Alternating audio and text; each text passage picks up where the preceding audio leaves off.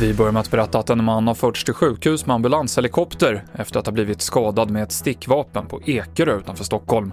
Enligt uppgift ska den skadade personen ha ertappat den misstänkta i sin bostad och blivit skadad i samband med det. Ingen har blivit gripen än.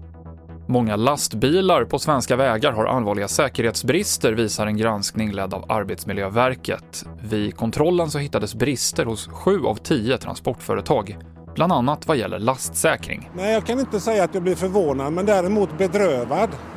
Vad kan det här innebära då ute i trafiken? Stora risker skulle jag vilja påstå, inte minst när man kopplar det mot lastsäkringen. Vad händer exempelvis när du kör med ett jättetungt fordon med en jättetung last där inte lasten sitter fast? Det sa Arne Alfredsson på Arbetsmiljöverket. Och i Kina så har 11 gruvarbetare räddats efter att de varit instängda i en guldgruva i två veckor på grund av en explosion. Men fortfarande så är 10 arbetare fångade i gruvan hundratals meter under jord.